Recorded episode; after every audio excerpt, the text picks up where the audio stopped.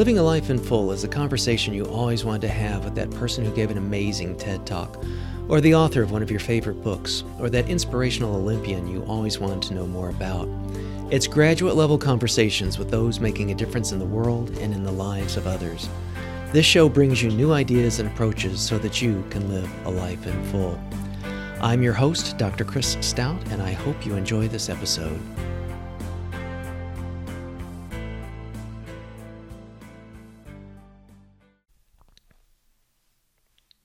This episode is brought to you by Libsyn.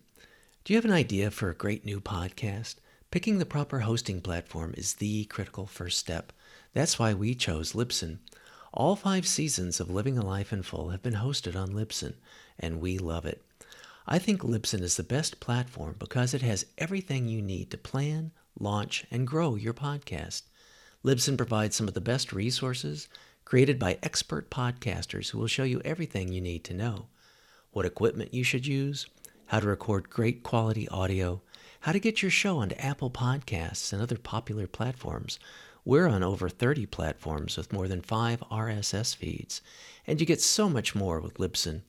Plus, as a listener and a friend of Living a Life in Full, if you sign up now, you will get your first month of hosting free. There has never been a better time to start podcasting. Visit Libsyn.com and use the code FRIEND, F R I E N D. That's Libsyn, L I B S Y N, dot com, and use the code FRIEND to get started and create your podcast today. I look forward to listening. Welcome to another episode of Living a Life in Full. I'm your host, Dr. Chris Stout. With a practice of more than 20,000 patients, Dr. Jordan Metzl is widely known for his passion for sports medicine and fitness. He received his MD from the University of Missouri, completed his residency at Tufts University, and completed fellowships at Vanderbilt University in adult sports medicine and Harvard, Harvard Medical School, Boston Children's Hospital in adolescent sports medicine.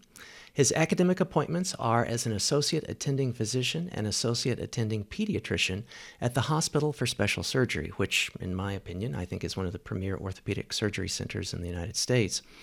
In addition to his busy medical practices in New York City and Stamford, Connecticut, Dr. Metzl is the author of the best selling titles Running Strong, The Exercise Cure, and The Athlete's Book of Home Remedies. He's also authored three other books, including The Young Athlete and he serves as the medical columnist for Triathlete magazine.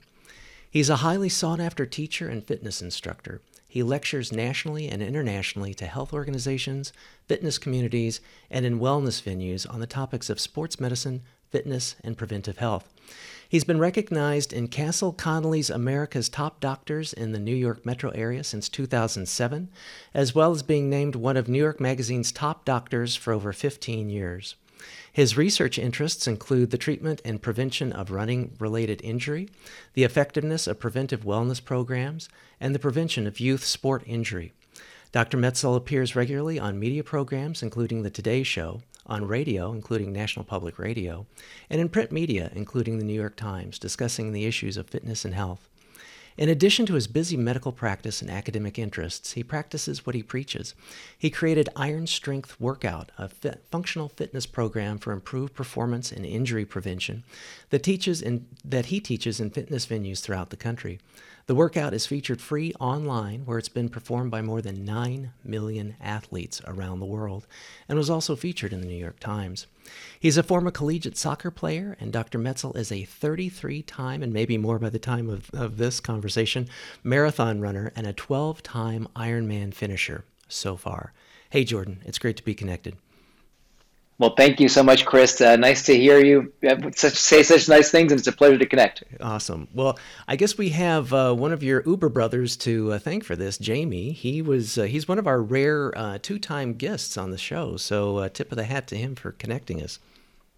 Well, no, he's a he's a great guy, and we try and always help each other in our family, and and I appreciate that he did that. That's nice. Well, let's get into it. I, as we spoke before uh, off mic, that there's so many things I want to discuss with you and get your opinion and perspective on. But maybe for context, let's start with your origin story about your life path and career as a, a uh, sports medicine doctor and orthopedic doc.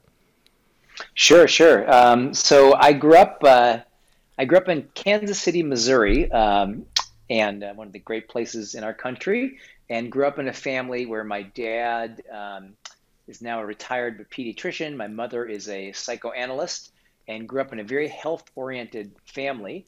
Um, of my three brothers, uh, three of the four of us are, are medical doctors, and, and Jamie, who you know, will readily dispense medical advice on any subject if you ask him. So um, there's, a, there's a lot of uh, medicine going around in our household, and I was definitely from a young age interested in um, becoming a doctor. there are picture, family pictures of kind of going to do uh, rounds at the hospital with my dad with a kind of a small plastic uh, doctor's bag, and I kind of always was enamored with the idea of helping other people. Um, and uh, I kind of knew from a young age that's kind of what I was destined to do. Um, I didn't know exactly how, but uh, but uh, I kind of eventually over time ended up uh, as an English major, and then into medical school, and then into residency. Initially in pediatrics because um, I liked uh, kids a lot, but then I started gravitating towards the kids who were involved in sport. I felt like those issues around them and their families were particularly interesting, and I could certainly relate to those. Mm-hmm. Um, so I did uh, eventually a fellowship in sports medicine, um, and I did two: one in adult sports medicine and one in adolescent and pediatric sports medicine. Um, and then I started a sports medicine practice at a place called Hospital for Special Surgery, which is uh, the uh, kind of the, the preeminent orthopedic hospital in, in the world, which I'm very honored to be at, and just started uh, started building a practice, and uh, over time that has evolved into kind of a whole life uh, sports medicine practice where I take care of people from kind of eight year old gymnasts to 85 year old people doing the marathon. The commonality, everybody is that they all want to move, and my my job is to help them do that. Um, the other interesting piece, I think, is that uh, along the way, I was certainly very interested in sport, and am interested in sport myself. I'm actually sitting here today, uh, getting ready to run the New York City Half Marathon tomorrow. So my legs are up, and I'm drinking some water. and um, and uh, the figures you gave at the beginning, I have to update those. Okay. They're, they're, thankfully a little bit low. Um, but still I'm doing oh. uh, events and, and races uh, regularly. Um, but my life uh, outside of medicine was a lot involved in kind of sports and athletics, um, and uh, started running marathons in med school. Uh, actually, triathlons in med school, marathons in residency. Wow. Um, and have tried to do at least one or two marathons a year ever since then which is uh, you know a lot, a lot of them. Um, so what what are your current uh, stats? Update us. Let's get our data straight. So uh, how many so how many so marathons done, and how many uh, triathlons? I've done now 37 marathons and 14 Ironman distance triathlons, but uh, a bunch of other stuff too. um, but in any case, I had this kind of life of sport and life of medicine, and they were two very separate things. So I had my medical life uh, during the day, during the week and then on evenings and weekends, I would go out and do sport. And over time, I noticed that the people in the sport world had some interesting injuries and injury patterns. Uh, for example, the the runners, even though they spent much less time training than the triathletes, were hurt much more often. Um, and I started thinking about my own self, and I was doing both of those sports.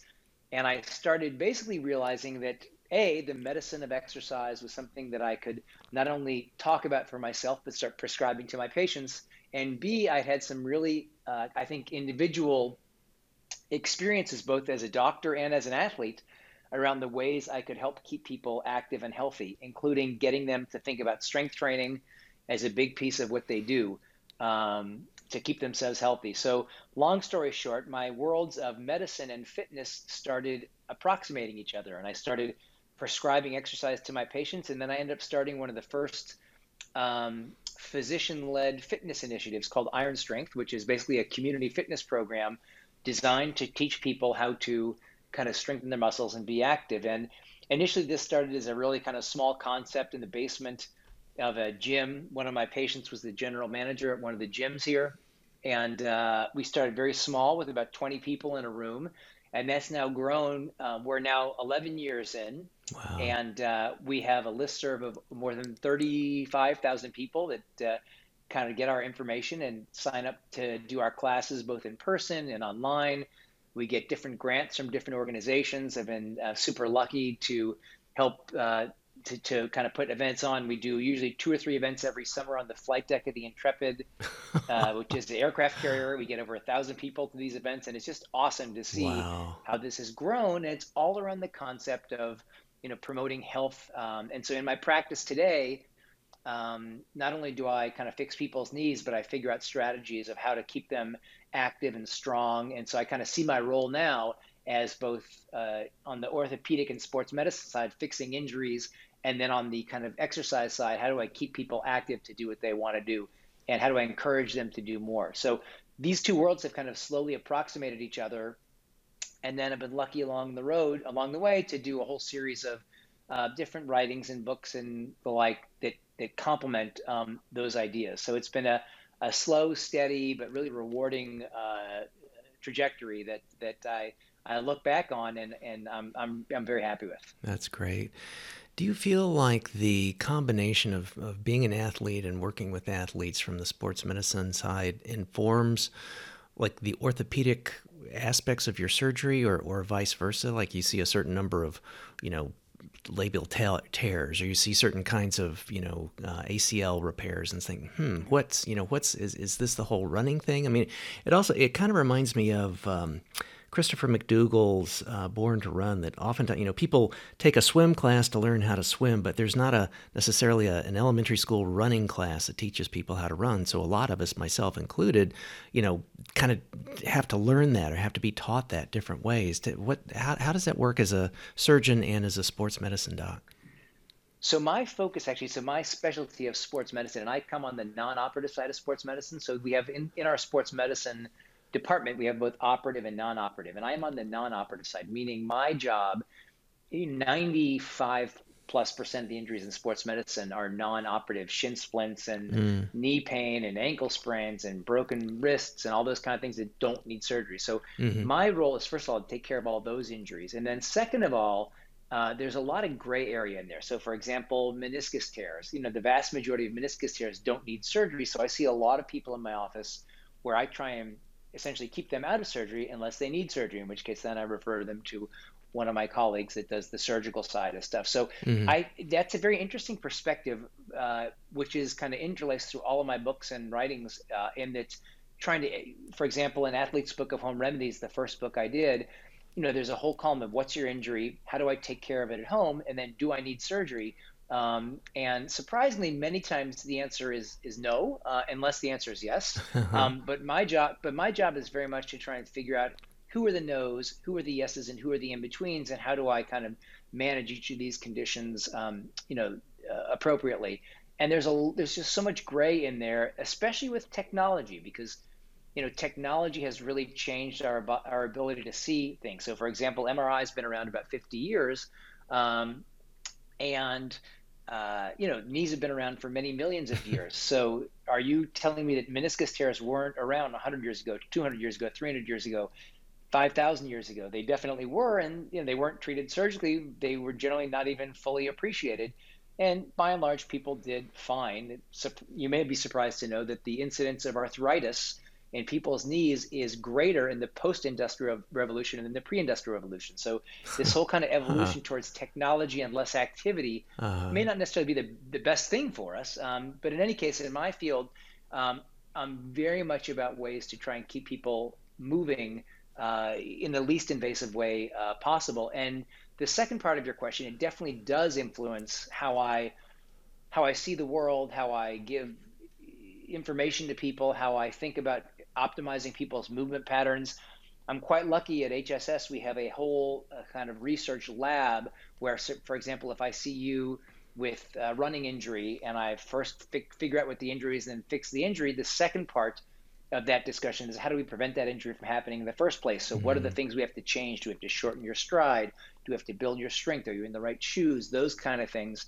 And I'm able to send somebody to our, our mechanics lab and let them look at that person how they're moving and figure out what modifications um, we can make to get them uh, not only back on the road, but how do we keep them on the road? And so uh, I think there's a lot in there around these things, and there's been so much great change. There's been also so much change which is I would say, kind of profiteering uh, on some of these issues. So trying to s- figure out the the good stuff from the hype has been, uh, you know, an ongoing issue. I can imagine. You know, for, well, in your book, Running Strong, um, the Sports Doctor's Complete Guide to Staying Healthy and Injury Free you know, I, as I mentioned, you know, I, I no one kind of taught me how to run, um, and when I was a kid, I had like just whopper orthopedic issues, and I was in these shoes that uh, I called clodhoppers. You know, they were like until I was 12 years old. I mean, I never had a pair of Keds, I never had a you know pair of tennis shoes or anything like that. And then, like I said, you know, like McDougall's thing, and people taking a look at, at the barefoot running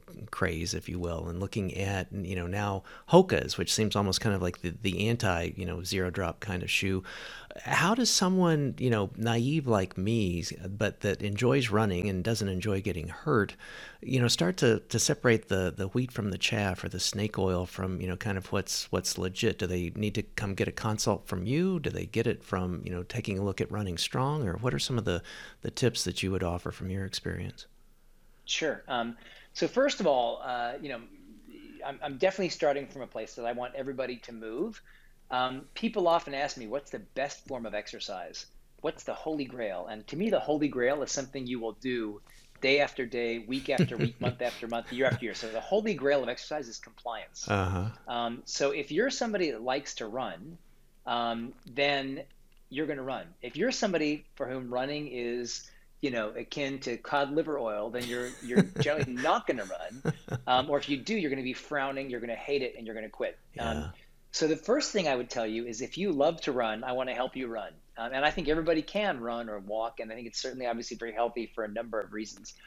Um, but within that, there is definitely not a one size fits all in terms of, you know, what you can do. And I, I often think about, you know, if you line up 100 people who are training for a marathon, and you know, we I've been lucky enough to work in a study group here at, at HSS where we are looking at some of these issues. How do you figure out who's going to get hurt? Hmm. Who can do it? Who can't do it? Mm-hmm. Um, and what are some of the factors in that? So we have actually been doing a whole series of interesting studies looking at those types of issues. Um, things such as you know training programs, which seems to be among the biggest issues, um, and that people who try and load on miles too quickly, what we call the acute to chronic workload issue. They try and ramp up their mileage too quickly without building enough base. Mm-hmm. Those people tend to get hurt. Hmm. Uh, furthermore, foot mechanics, run mechanics. Um, you asked about the shoes.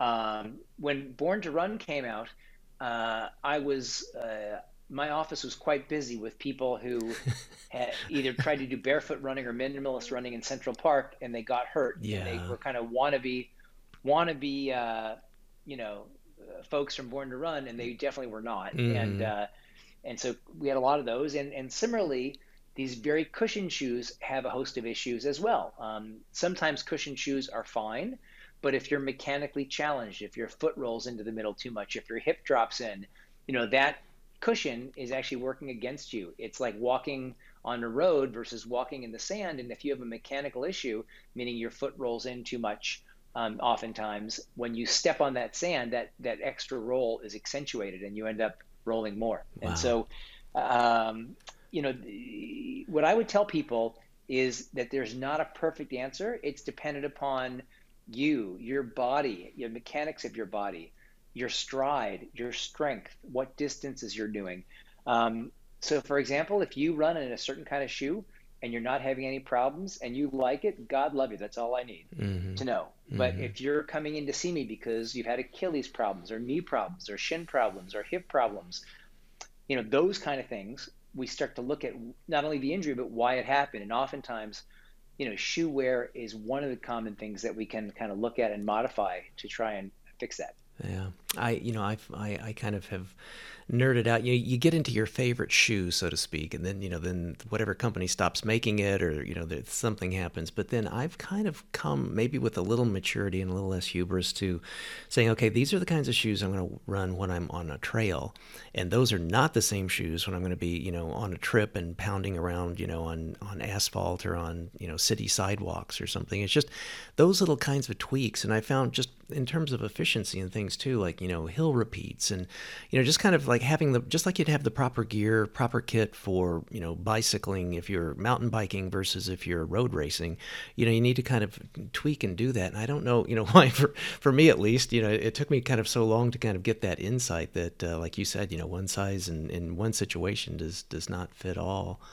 So I love what you said about um, you know what what works best is the one that you enjoy and that you that you keep up at it, um, and that makes me think about one of your other books, The Exercise Cure, and in it you just give a great portrayal of you know and you do it kind of a little tongue in cheek of you know there's this this miracle drug this miracle thing that can reduce or, or um, the progression or reverse type 2 diabetes. It can help with weight control and cardiac issues and hypertension and uh, and emotion and sleep um, improving sleep and the the you know the silver bullet is exercise. So how is it that um, like with your program iron strength and stuff how is it that uh, you know what are, what are the, the baby steps or the things? Does someone have to have a health issue? Do they need to get diagnosed with hypertension or some kind of, of ailment first? Is that the motivator? Or what are good ways um, you know maybe from a almost like a sports psychology kind of way to get people into properly dosing um, you know and, and finding the proper kind of exercise cure for them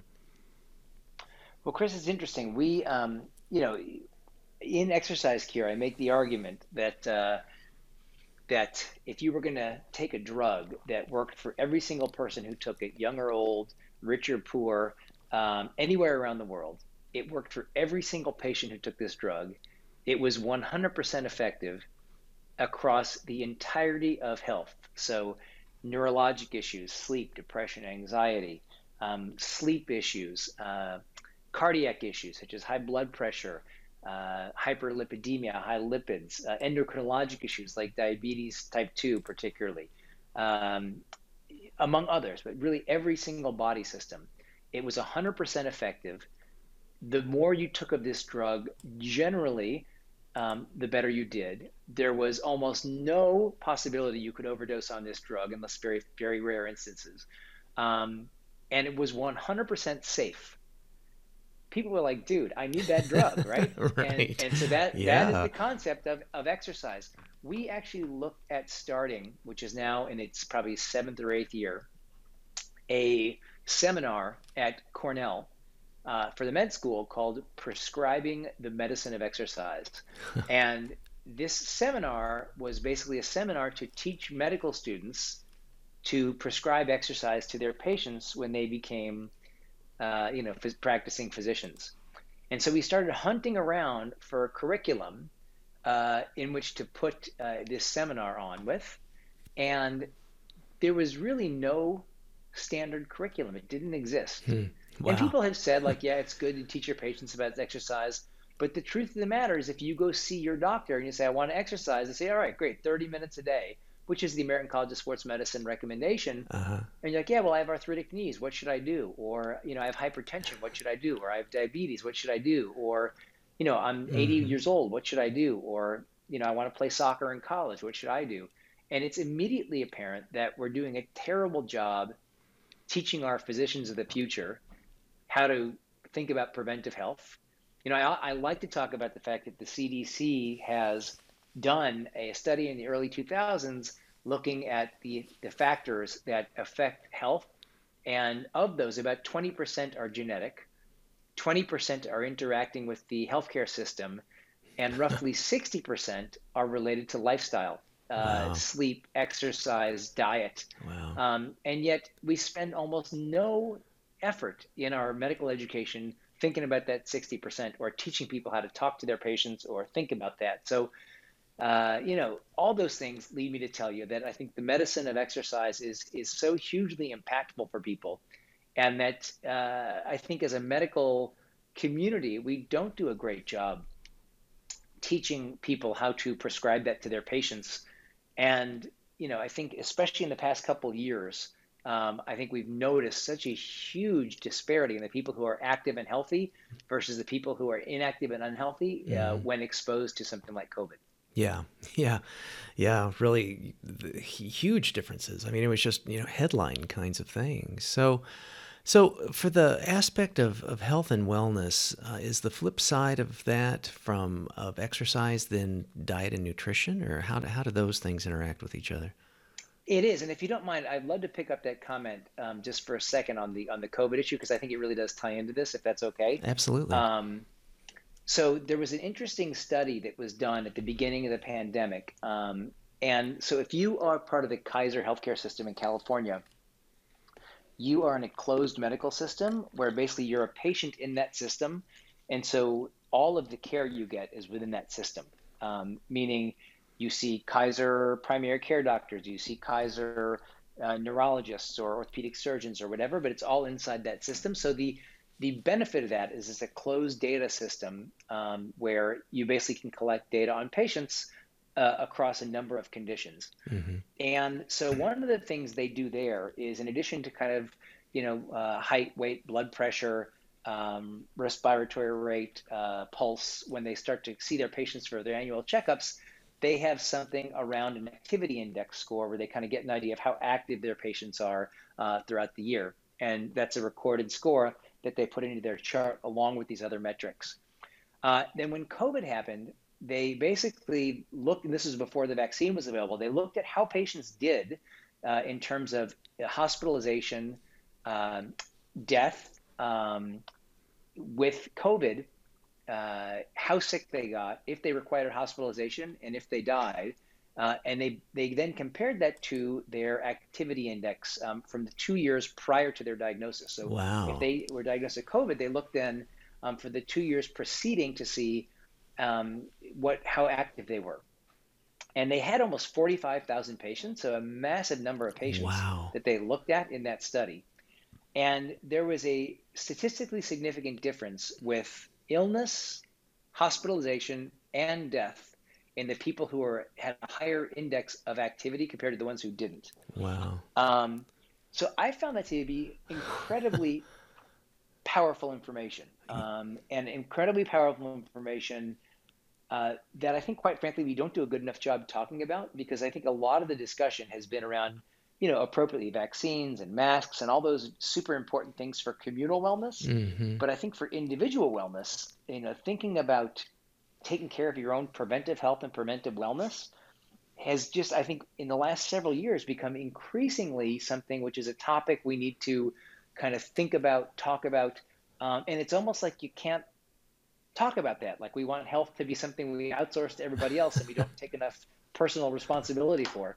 Um, and so, uh, you know, it's helped me kind of focus some of these thoughts, um, which I think are, you know, it's not to say people who are active can't get disease, right? It's not to say sure. that we didn't yeah. have active, healthy people get cancer or COVID or whatever and have, you know, really terrible outcomes, even though they were doing everything right. So mm-hmm. it's not to say that, but it's it's to say that on a population base basis, when you start looking at trends of uh, you know disease expression um, in all different types of diseases, you know this idea of preventive wellness um, is incredibly compelling and makes a big difference. And I feel like we don't do a good enough job teaching that, talking about it, or teaching people how to do it. And I think this past couple years has really uh, you know, I hope one of the lessons that comes out of that is that it's very important to start thinking about that, um, you know, for yourselves individually, um, because we don't really encourage that, nor do we.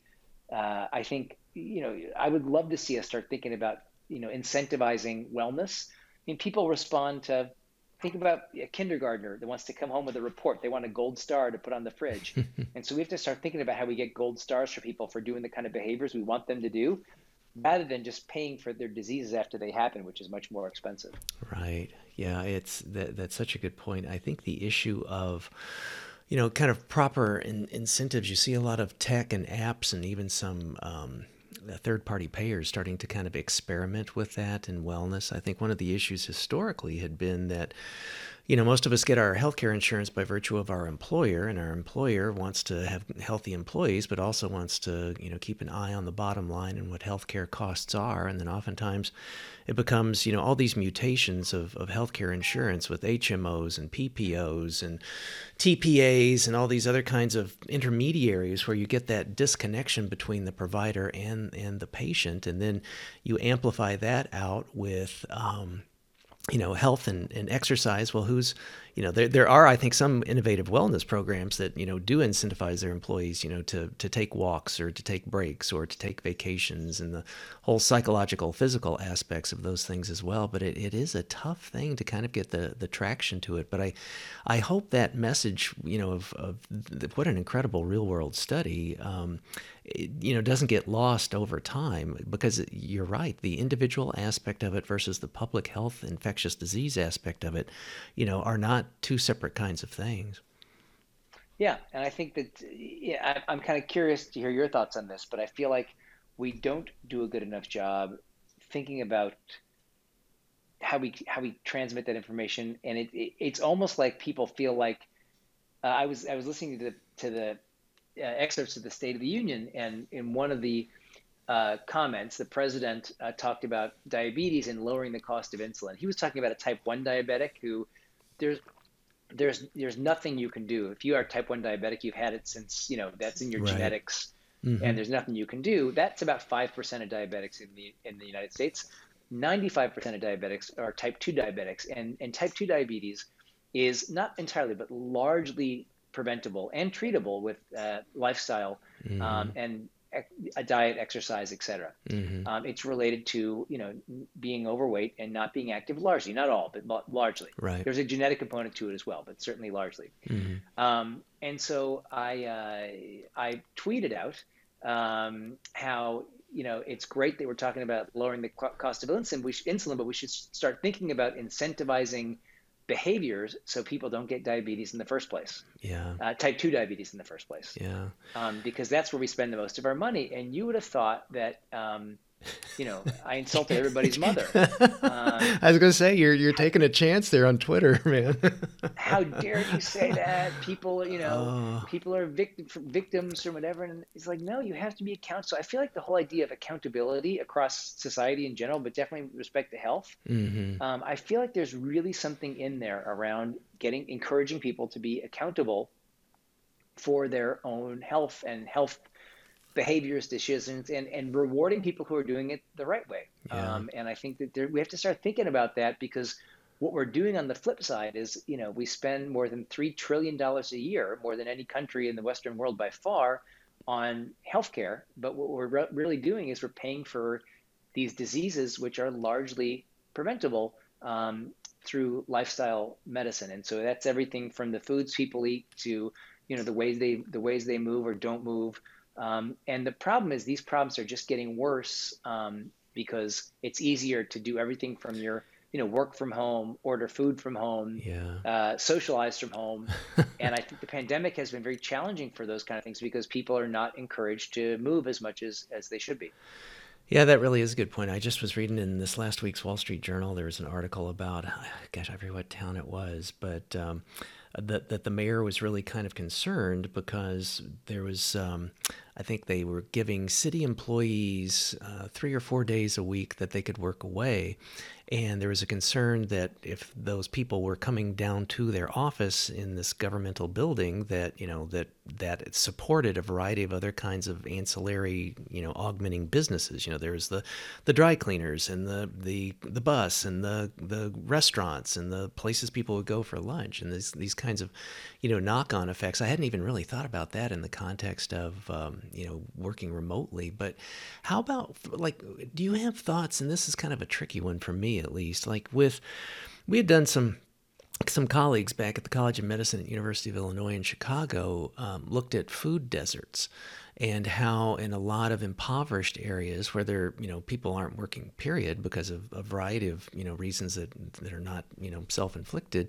But even you know like the the, the nearest place they, they couldn't get fresh fresh vegetables. The nearest place where they typically got their food was a you know a 7-eleven or something which was all you know just pre-packaged and processed you know any nutrition out of it just about eat the bag as well as eat what was inside of it. Do you have thoughts about that for people that do want to you know, be on less medication and, and, you know, try and, you know, take those initial, you know, formative foundational steps to try and combat those kinds of issues? Or is that just a, a political social issue? No, I think it's both, and I and I appreciate asking that. I mean, listen, there's these are complicated issues that have developed over you know, decades. Right. Um, and and the problem that we're running into is that the disparity between those who have and those who don't have has you know grown over Yeah. over decades. Um, but I don't think we have to take that line down. So, for example, you know, looking at things such as on on government assisted food programs, like what are the things you can buy with those types of things? You know, right now, I think you're totally right that in areas where um, there is less money, there are less food options, and that's absolutely true. But it's also true that if you go into a 7-Eleven or wherever with uh, federal assisted food, um, uh, vouchers, you can buy, you know, whatever you want. So you can get potato chips or Coke or whatever.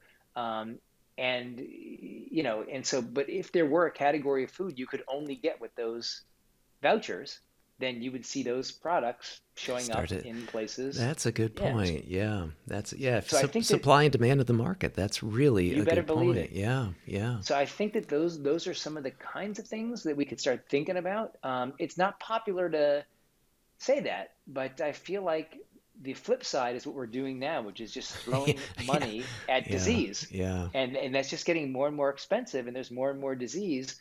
Um, and I think COVID really helped highlight some of that stuff. As you saw, you know, in a number of these areas where people hmm um, have more health problems, those people got a lot sicker. Um, they were they, they they were sicker. They got hospitalized. They died at higher rates. Um, and um and so the question now is not did that happen? The question is what can we do to try and deal with that? And so I you know I I think throwing money at the problem is not the issue. I think to me. I think it's, it's starting to think about how we reshape that discussion so we think about preventive health in a in a way. Uh, but you know, again, it, it's difficult because everybody's very sensitive to, you know, choice, right? Right. In everything we do. Uh, you can't tell me to take the vaccine. You can't tell me what to eat. You can't tell me whatever. Yeah. Um, and so, you know, if you take the vaccine, you'll be, you'll be less ill and you're less likely to get other people ill. Yeah, you can't tell me what to do. Yeah. If you eat these foods and not those foods, you're less likely to, you know, to be overweight and get ill and whatever. Yeah, you can't tell me what to eat. So, you know, I think I don't want to be living with Big Brother, but I think there's something in there around helping people make the right decisions um, when we are. Because if I guess the way I think about it is if you know we can either kind of pay for prevention or we can pay for disease, and disease is much more expensive. Right. You know, you and I, I can't quote them off the top of my head, but I know they're just ridiculous. But like the amount of money spent in medical intervention, you know, like in the last five years of a person's life versus, you know, the the course of it, you know, all things considered, you know, unless someone has some kind of chronic disease that they've suffered with for decades, but you know, it's just a- a- a- just astronomical and just unbelievable. So, and it's you know, it's those kinds of things. You don't you don't refuse treatment to that person. Say, well, you know, Mr. Smith, you really should have taken better care of yourself, and because you didn't, we're not going to you know do this or that. So, I think it makes it really kind of a challenge. And I don't know. I mean, you know, we hear about blue zones and stuff and lifestyle areas where longevity is greater. And, and I think one of the things I want to just kind of say out loud with you in this kind of a conversation too is that it's also quality of life. I mean, we can we can ha- we can extend people's life, you know, uh, to a certain degree, but man, if they're not ambulatory, if the quality of life is such that um, you know that they, I, I've I've worked clinically with a lot of folks that um, were aged and you know were not happy and you know wish they hadn't lived that long, you know, and they weren't necessarily you know they how can I say this? They um, the their inability to do what they did in their youth because now they had these chronic diseases that kind of caught up with them because of hypertension or because of being on 12 different meds and these meds interact with the other and cause them to have to take another med um, you know it just it really kind of boxcars and, and catches up with people to have a very poor quality of life in those you know the last years of their life which i think is just you know hugely sad Yeah, I mean, I think that that's, you know, it's it's a complicated issue. Um, but uh, you know, I think the concept of exercise cure was I was talking about uh, both adding, you know, life to your years and years to your life, yeah both. yeah Um, yeah and that, and I think they're both important. You know, the hmm so-called kind of lifespan and health span, how long you're healthy, and um, and how long you live for, are both important. hmm Um, and I think we can do a good job of improving both on a societal level. Now, the the issue is that you know, as I mentioned before, you can do everything right and still end up with a disease, right? Uh, you know, through bad luck or genetics or, you know, whatever. Mm-hmm. Um, but I think our thought is, what on average, what are the best things we can do for people, and and that's where you know I think yeah. some of this discussion happens. Yeah, absolutely. Well, let's let's maybe do a little bit of a deeper dive into the the diet and nutrition stuff. I mean, you see a lot of that, you know, at least you know, in, in I see a lot of it. Maybe it's a, a, biased sample, but you know, there's there's a variety of different kinds of diets out there that probably seem a bit faddish, and it's probably the issue of diet is similar to the issue of exercise. You know, what what's the best diet? It's the one that you can you know stick with and that that has good efficacy. But um, like I experiment um, with time restricted eating. Like I use this thing, this Zero app. I don't know if you've ever heard about that, but mm-hmm. I also then like um, I tend to supplement with like magnesium and zinc because I tend to get dehydrated and cramp up a lot. I spend a lot of time in saunas. And in the wintertime, I try to boost my vitamin D. And I'm a big fan of, of inulin and probiotics and things like that. Do you have thoughts or feelings about you know some areas where there is maybe gro- broader um, population data that says you know these are generally good things and you know it might be faddish now because it's popular but it is a good long-term uh, kind of approach to tweak your diet a little bit or pay attention to these kinds of things or try and minimize processed foods or what what are your thoughts around that? Yeah all the above. I mean i think so so i guess i would first tell you that uh, i am not an absolutist in anything that i do mm-hmm. so um, there are some people who can say all right i'm going to cut out carbs out of my diet and they can go carb free in their diet or i'm going to only eat in this window and that's just how I'm going to do it. Or I'm going to have no sugar, and that's what I'm going to do. Um, and maybe it's because I don't have the personality to do that. Maybe it's because I've not been, you know, I, I uh-huh. feel like there's an effect, and then there's there's a cause of the effect you've done, and I feel like you can get a rebound phenomena to any number of these issues. So mm-hmm. I'm not an absolutist, and I'm definitely some of everything. A little bit of meat, a little bit of red meat, you know, a little bit of carbs, um, you know, mm-hmm. a, little bit of sugar. I, am not an absolutist in any way. Okay. I think the things that we are learning more about are that, first of all, this kind of pre processed diet is obviously unhealthy. I tell my patients that if it's not going to expire, for three years, you should not eat it. You know, so generally speaking. you know, I heard someone say that uh, if you read the ingredients and your great grandmother wouldn't recognize some of the words, you shouldn't eat it. so I thought that was also a good rule of thumb around uh, kind of yeah, what, what is in exactly. this. Yeah, yeah. Exactly. So I think that's number one. Um, number two is that um, that I do think that that that certainly for some weight control practices and you know, I think it's important to mention that people's metabolism changes as they age. Mm-hmm. Uh, everybody has a different metabolism based on, you know, their age, their genetics, right. what they've done when they were younger, all those types of things. So you may find this equation changes for you over time based on what you're doing, mm-hmm. you know, mm-hmm. where you are in life, etc. Um, but that the concept of eating windows, I think, is gaining some traction. Um, I remember there was a picture early on in the research on on restricted eating on the front of the New York Times, and they had two monkeys on the front of the New York Times. I remember this, but uh-huh. one monkey um, had been kind of eating a normal, regular, scheduled diet, and one monkey was on a restrictive eating pattern. And it was some of the early work done on longevity and um, looking at these two. I think they're monkeys or chimps, and looking at and basically the effect of uh, several years of eating behavior on these animals who started out looking the same. Uh-huh. And and so I have one of my good friends is an orthopedic surgeon, hilarious guy, and I sent him the picture of these two monkeys and the, and one monkey w- looking at his kind of uh, his blood pressure and, and all of his blood values. It turns out the guy who'd been doing restrictive eating was generally healthier in his blood metrics and in his blood pressure, et cetera. And I sent him the picture. And I don't mean to use a bad word, but this guy had a colorful bad word, and he didn't know which one was which. He said, "Look at that miserable monkey who was the restrictive one. Look at that poor guy, man. yeah, I remember like talking uh, about like under eating, and it said it, it, increases longevity. It says, well, it doesn't really increase it. It just seems like you're living longer because you're so so miserable. Exactly. Damn, I'm hungry, but I'm living longer. So, um, I, I remember thinking that was pretty damn great response. Um, you know, since then, I think I think this idea of eating windows by the way, he is now this guy I'm talking about is now a eating window guy, and he's lost a bunch of weight, and he looks awesome. Um, so he's kind of like the miserable monkey now, right? Um, but, but, but he looks good. um, but he looks good doing it exactly.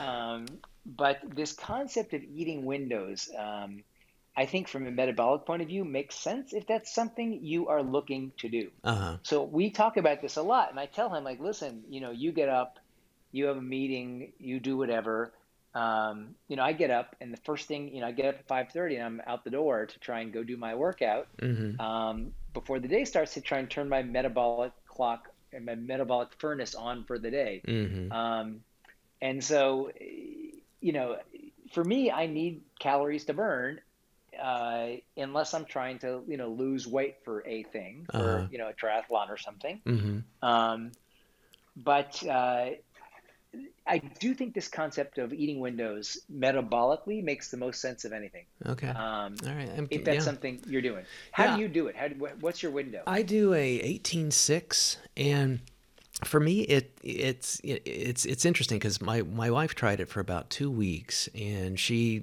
like always we, we both exercise in the morning but um, she has classes she goes to. She you know loves the Y classes and stuff, so that gets her up and out and going. And then I kind of you know of course dilly dally and you know we have a little more coffee and then need to check the email one more time or whatever, and then you know finally get to my routine whatever it is that day. And I never ate breakfast. I always kind of woke up as a kid with a little anxiety about going to school and never never had breakfast.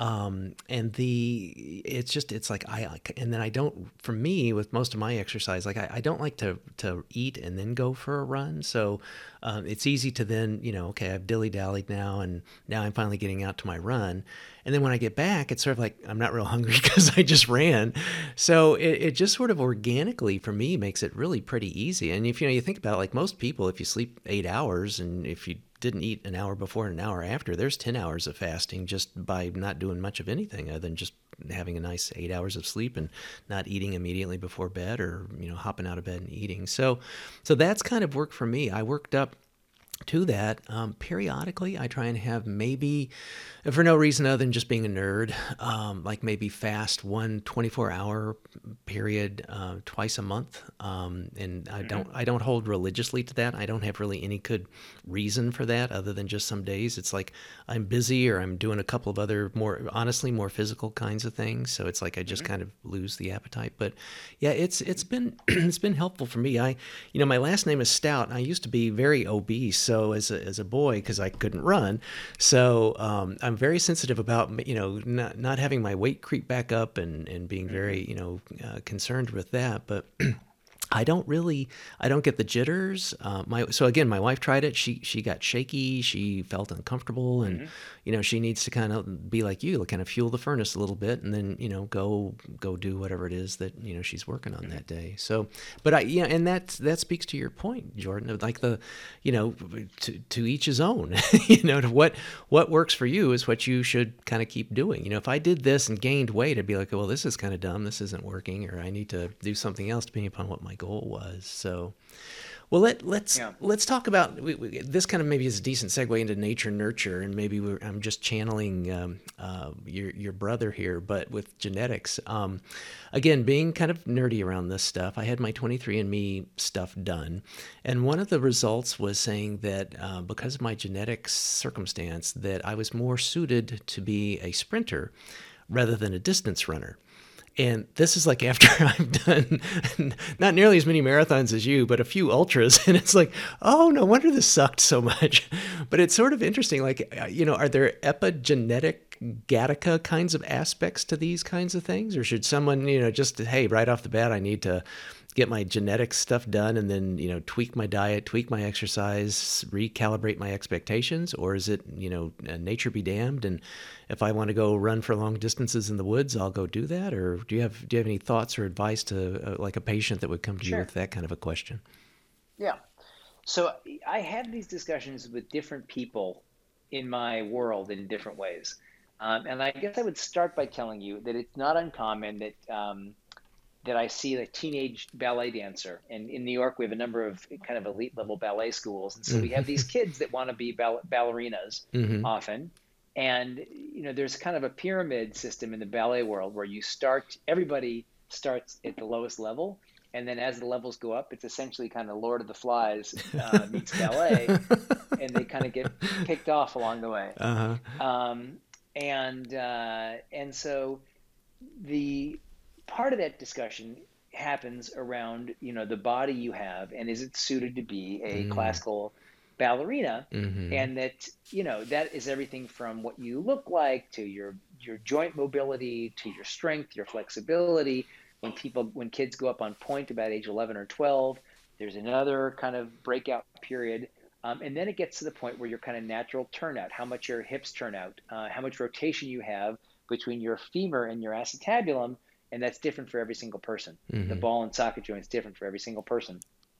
And so, uh, you know, some of these kids um, just do not have the natural turnout, and so they end up trying to force the turnout by pushing their foot on the floor and turning their hip out. Mm-hmm. They often come in with achy knees, um, uh-huh. saying that my knees hurt, and what they're trying to do is force their turnout from the floor instead of from their hip, and they end up ultimately, you know, being kind of weaned out into other other sport. But the discussion I will sometimes have with people as young young teens is, listen, I know you love ballet, um, and I don't want you to become frustrated. But the way your hips are built, you're never going to get to the level that you want to get to.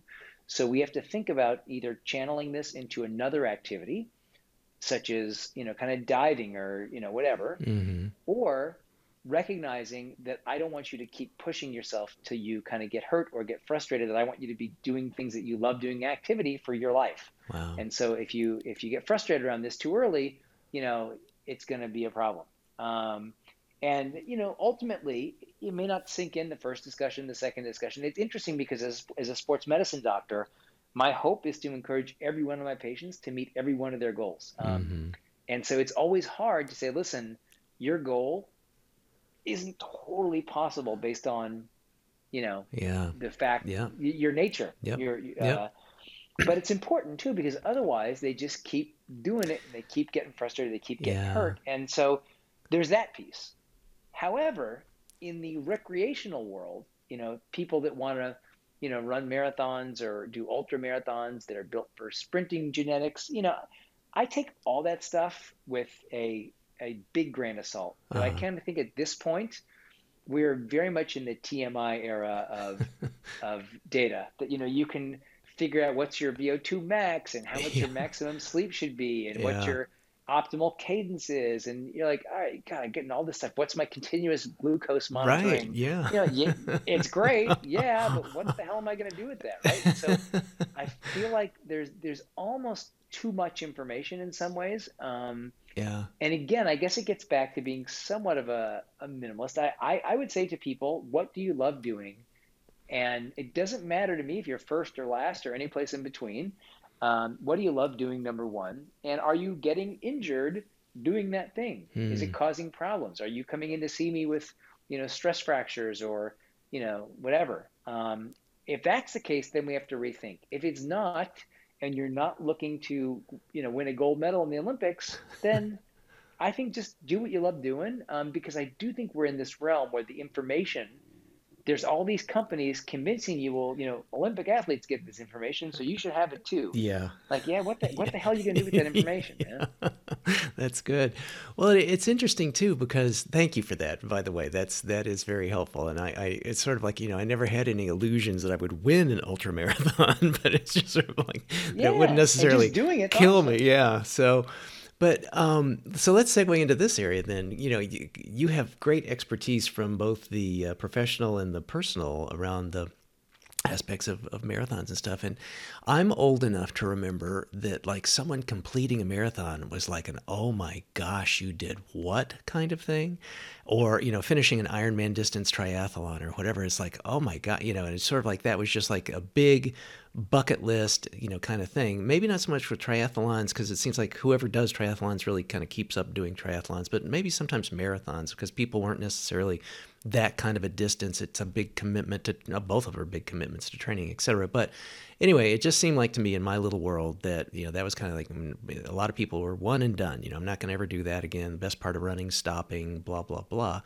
But now you see, like, there's tons of ultra distance runs. There's Spartan races, so you can, you know, run under barbed wire and do other crazy stuff. There's Ultramans. There's, you know, all these kinds of things. Like, first, I, I have a couple questions about that. But what what do you think of that? I mean, is that just from a sociological perspective, not just a, a medical or, or physiological mm-hmm. perspective. But what? Well, why is that? Is it just human nature and competition, or what? What are what are yeah, your perspectives? So so people have looked at um, and and by full disclosure, the next book I'm working on is a book on motivation. What motivates people to do? Ah, um, okay. Um, and how do we think about the doers versus the not doers? Okay, uh, good. You know, we're still a couple years out, probably. All right. Well, we'll but, get some uh, fundamental thoughts out here. So.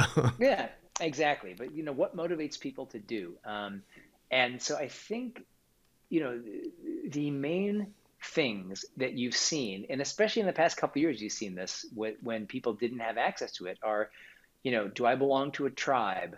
Hmm. What does my tribe do? the Im- import of community, right? Uh-huh. The importance of community is part of that. Yeah. So, uh, you know, there's been some, even on social media, there's been some big studies around looking at your quote unquote friends on things like Strava and mm-hmm. how your mm-hmm. friend's behavior influences your behavior to do more and different things. And yeah. so the, the, the tribe you keep, the community you keep, what that community does, who you surround yourself with virtually or in person, you know, so when you do an Ironman, which for people who may not know, which is a, uh, a 2.4 mile swim, 112 mile bike ride, and then a full marathon at the end, which takes about 12 hours to do or something around there.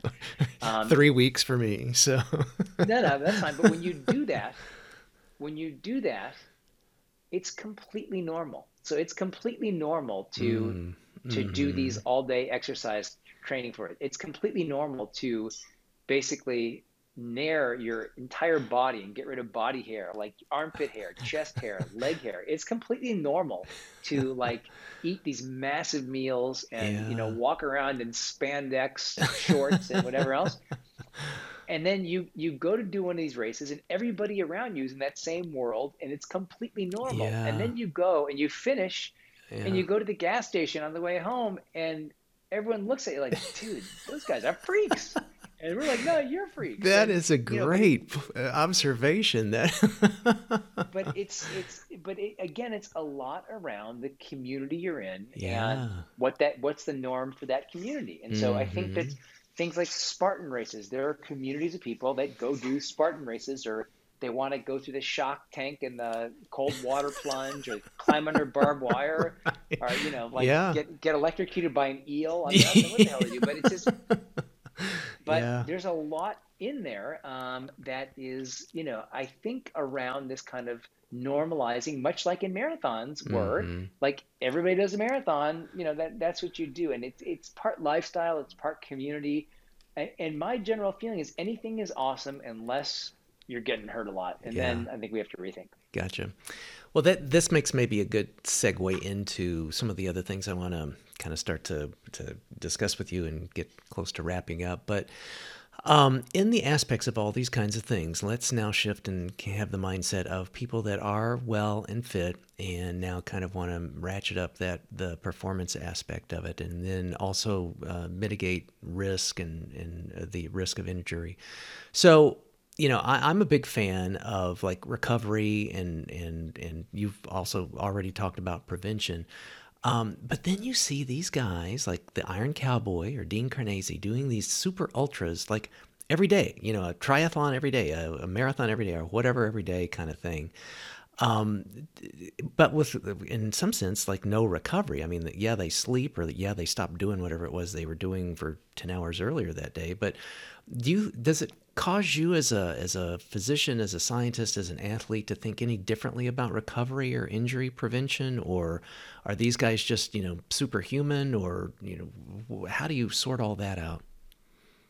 Well, I guess I have a couple comments on that. First of all, I will tell you that in the world of sports medicine, um, the first thing we kind of learned a lot about was injuries, who got what injury, how that injury pattern happened. So if you were a skier, you were lo- likely to get this injury. If you were a baseball player, likely mm-hmm. to get mm-hmm. that injury. So mm-hmm. we learned a lot about injuries, mm-hmm. um, and we learned about injury patterns. And so the beginning field of sports medicine was a lot around identifying injury patterns, and then as a natural outgrowth of that, we started thinking about prevention strategies to prevent those injuries. So you know, getting the right kind of ski binding torque hmm. or throwing the right number of baseballs or throwing or throwing mechanics or running mechanics or the right kind of running shoes. Mm-hmm. Thinking about for each sport how we not only recognize the pattern but how we prevent that pattern from happening, how we break that pattern to keep people doing their sport. Mm-hmm. Uh, we then got into the fields of preventive training, preventive conditioning, um, performance enhancement around those things. Um, and I think that was probably the next domain. Mm-hmm. Um, and and to me, the Wild West, where we are now, the last frontier of sports medicine is around recovery, and we have no idea yet really what makes good recovery. What makes some people recover better than others? What are the best ways to think about recovery? Is it icing? Is it heat? Is it compression? Is it you know vibration tools right. like these uh, massage guns? Um, I use all those things in my practice, but can I tell you scientifically this works better than that? Not particularly. I yeah. kind of do. I I generally put some of that stuff into the category of can't hurt medicine, meaning I think probably help you and it's definitely not going to hurt you and it's worth trying. Uh-huh, um, uh-huh. But this kind of concept of recovery is very interesting. We do know that you know certain bodies recover quicker than others age has a role in that definitely yeah, yeah. as does your body type if you're in the right sport for what you're doing mm-hmm. um, but that also i would tell you that the human body is an amazing machine and it's probably more capable of doing things than than you think it is and so i think that's a piece of that as well Gotcha. That's great answer. Yeah, I mean, it's just, it's sort of like you're really making me feel dumb, Jordan, because it's sort of like I wrestle with these things, and you say, "It's like, well, yeah, yeah, that that, that makes good sense. So, well, you're, um, th- you're, you're, thinking about a lot of other things all day. I'm just thinking about. Oh, thanks. yeah, good good save. So, um, one of your other books is uh, that I enjoyed a great deal is the Workout Prescription, and in, in in it you talk about like 10 and 20 and 30 minute high intensity interval training workouts and things. And I know that again the faddish kinds of stuff i mean this is i think these are good things because it gets you know pick your poison you know what it was what what do you dig what do you like what do you want to play with and try and keep or try and, and not do but like you know high intensity interval training HIIT stuff um, you know CrossFit or kettlebells, or there's, you know, people do stuff with maces and ropes. Um, I was a decade ago, like real into, you know, Tony Horton and P90X and P90 and all that. I did a 100 ton challenge a few years ago. There's the May is kind of the time that CrossFit does the Murph. Um, now people are like looking at focusing just on like having fast miles again, I, I guess you're gonna probably say like whatever you know works and, and fits with you. But are there any of those in particular that are helpful in the context of your workout prescription? Maybe in terms of efficiency, minimizing injury, um, you know, I used to work at, at ATI Physical Therapy, and the, there was kind of a, you know, a dark joke about, you know, CrossFit is, you know, very good for physical therapy because it, you know, it, it incentivizes, you know, a lot of folks come in with injuries as a result of, you know, trying to do something healthy and good. So, do you like how, how do you again, you know, physiologically, sociologically, biomechanically uh, think about that? Yeah. So the idea of workout prescription was to teach people to embrace intensity. Uh, I'm actually doing a whole lecture uh, at a sports medicine conference out in Colorado um, in a couple months on exercise intensity. And mm-hmm. the message is I want people not to be afraid of intensity for themselves and for their patients. Um, okay.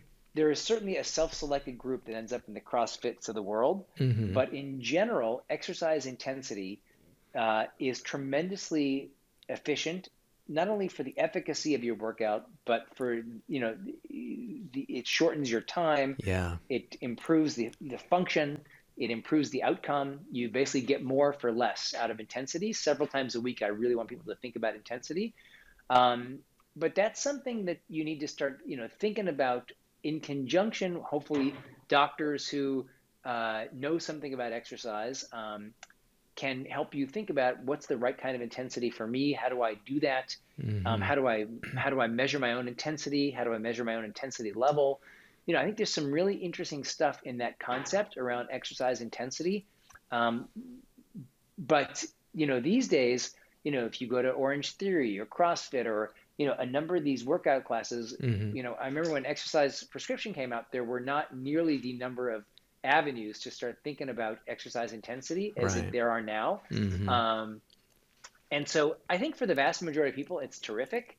Um, again, much like my ballet uh, story, there probably is a self-selected group that incur- that likes to think about intensity. But I think people shouldn't be afraid of intensity, and that exercise intensity is, every, is something everybody could and should embrace. I think uh, you know throughout their entirety of their lives. I have people in their 60s and 70s and their 80s that come to my workout classes I teach in Central Park once a month that are free. Uh-huh. Um, and they come out and they do burpees in their 70s and 80s. So wow. it's pretty awesome. So I hate burpees. So yeah, no, everybody hates burpees. Yeah, they work. That's the point. Yeah. yeah. So like, is this then like in the concepts of like the different zone trainings, like one, two, three, four, five kind of thing, or or how, yeah. yeah, and actually intensity can be perceived exertion, it can be zones, it can be heart rate. You know, you can get as technical as you want, but the bottom line is just huffing and puffing so you can't really talk very well. I think that's the that's the that's easiest a good way, way to think about it. That's good. That's good. Well, how about just uh, do you have a couple more minutes for a few more questions? Sure, sure. Great. So I, I want to maybe wrap up with talking a little bit about um, like some of the technologies around these things. Do you have like um uh, not not in the sense of endorsing anything or whatever. We're we're not we have no commercial commercial uh, interest or sponsorships but um, things like like I'll tell you what I like. I um I I'm a big fan of like ChiliPad to, for like helping my sleep uh, in terms of being able to have you know proper temperatures and stuff and, and coolness. I'm a big fan of sauna um, I had um, a couple of things that I'd done, kind of crazy stuff that um, they provided uh, people that had participated, like with the Normatec compression, you know, like pumps you up and then relaxes and things like that. Do you have like any recovery, maintenance, prevention tech tool gizmos that uh, that you like or that you personally use? If you if you don't mind yeah, sharing those. Uh, yeah, I do. Yeah, I'm a big fan of the you know the compression products. Um, I think among others, Hyperice does a nice job. They kind of do all the massage guns and, and massage mm. balls and the, mm-hmm. you know vibrating rollers and the compression. You know they're very much in this kind of uh, world of recovery. Mm-hmm. Um, and I think my one comment is I think they're all great. I think they all fall into can't hurt medicine, and I think there's not a one size fits all for every single person. Uh-huh.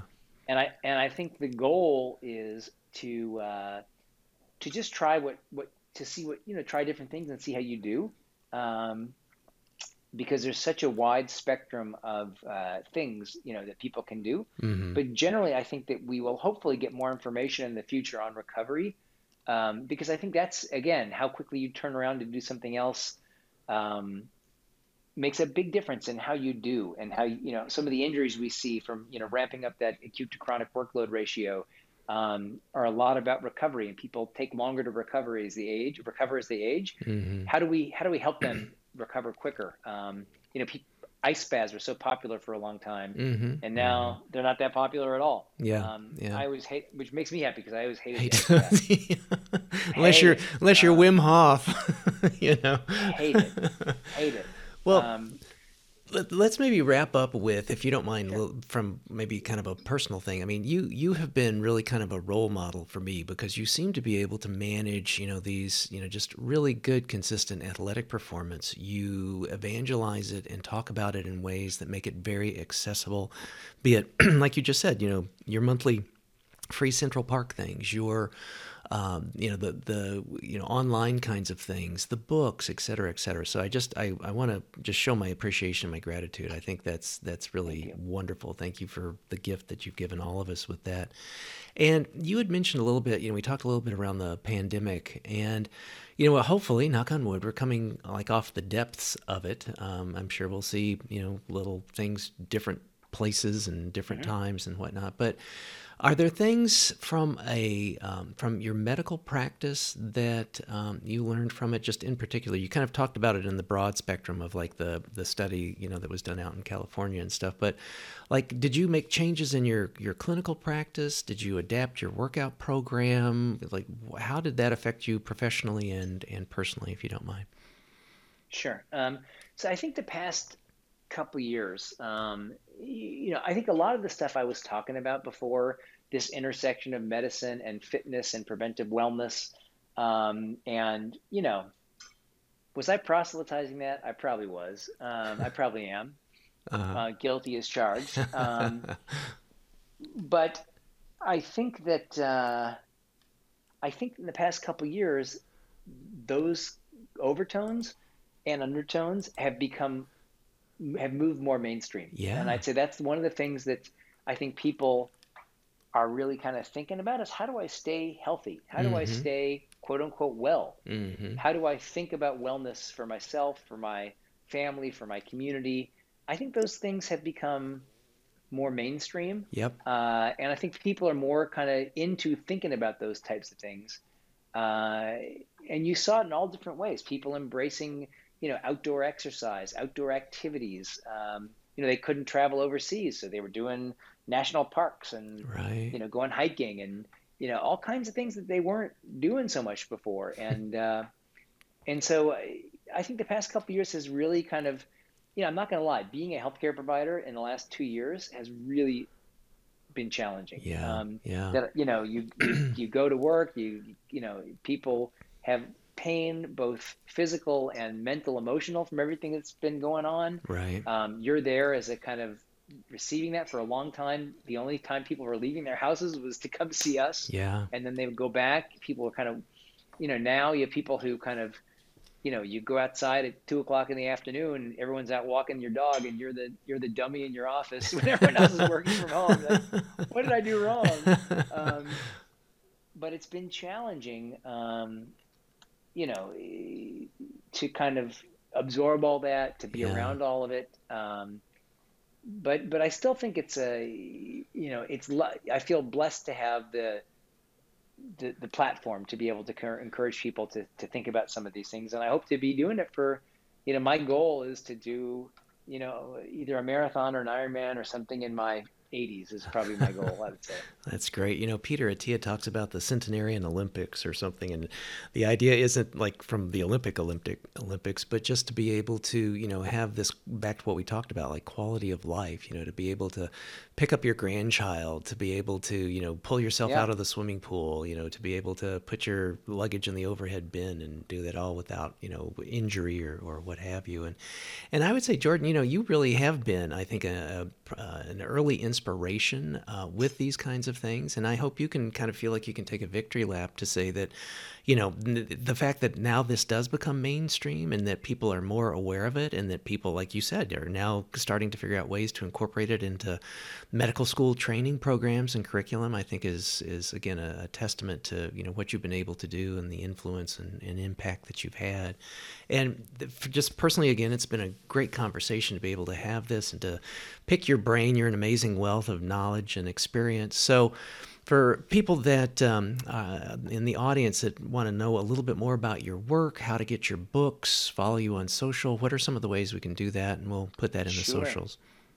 Sure, sure, sure. So I use, I use everything. My it's at uh, dr Jordan Metzl um, for Instagram and Twitter and Facebook, and then all my books and all the above are um, on Amazon under just my name. Great. Um, and uh, yeah, that's probably the easiest two ways. Awesome. Good. We'll put that into the show notes. Well, again, thanks so much for the time. I know you have a crazy schedule. Good luck with the uh, race tomorrow. Hope all goes well. And uh, looking forward to keep in touch, my friend. I appreciate it. Thanks so much. I really enjoyed our conversation. Me too.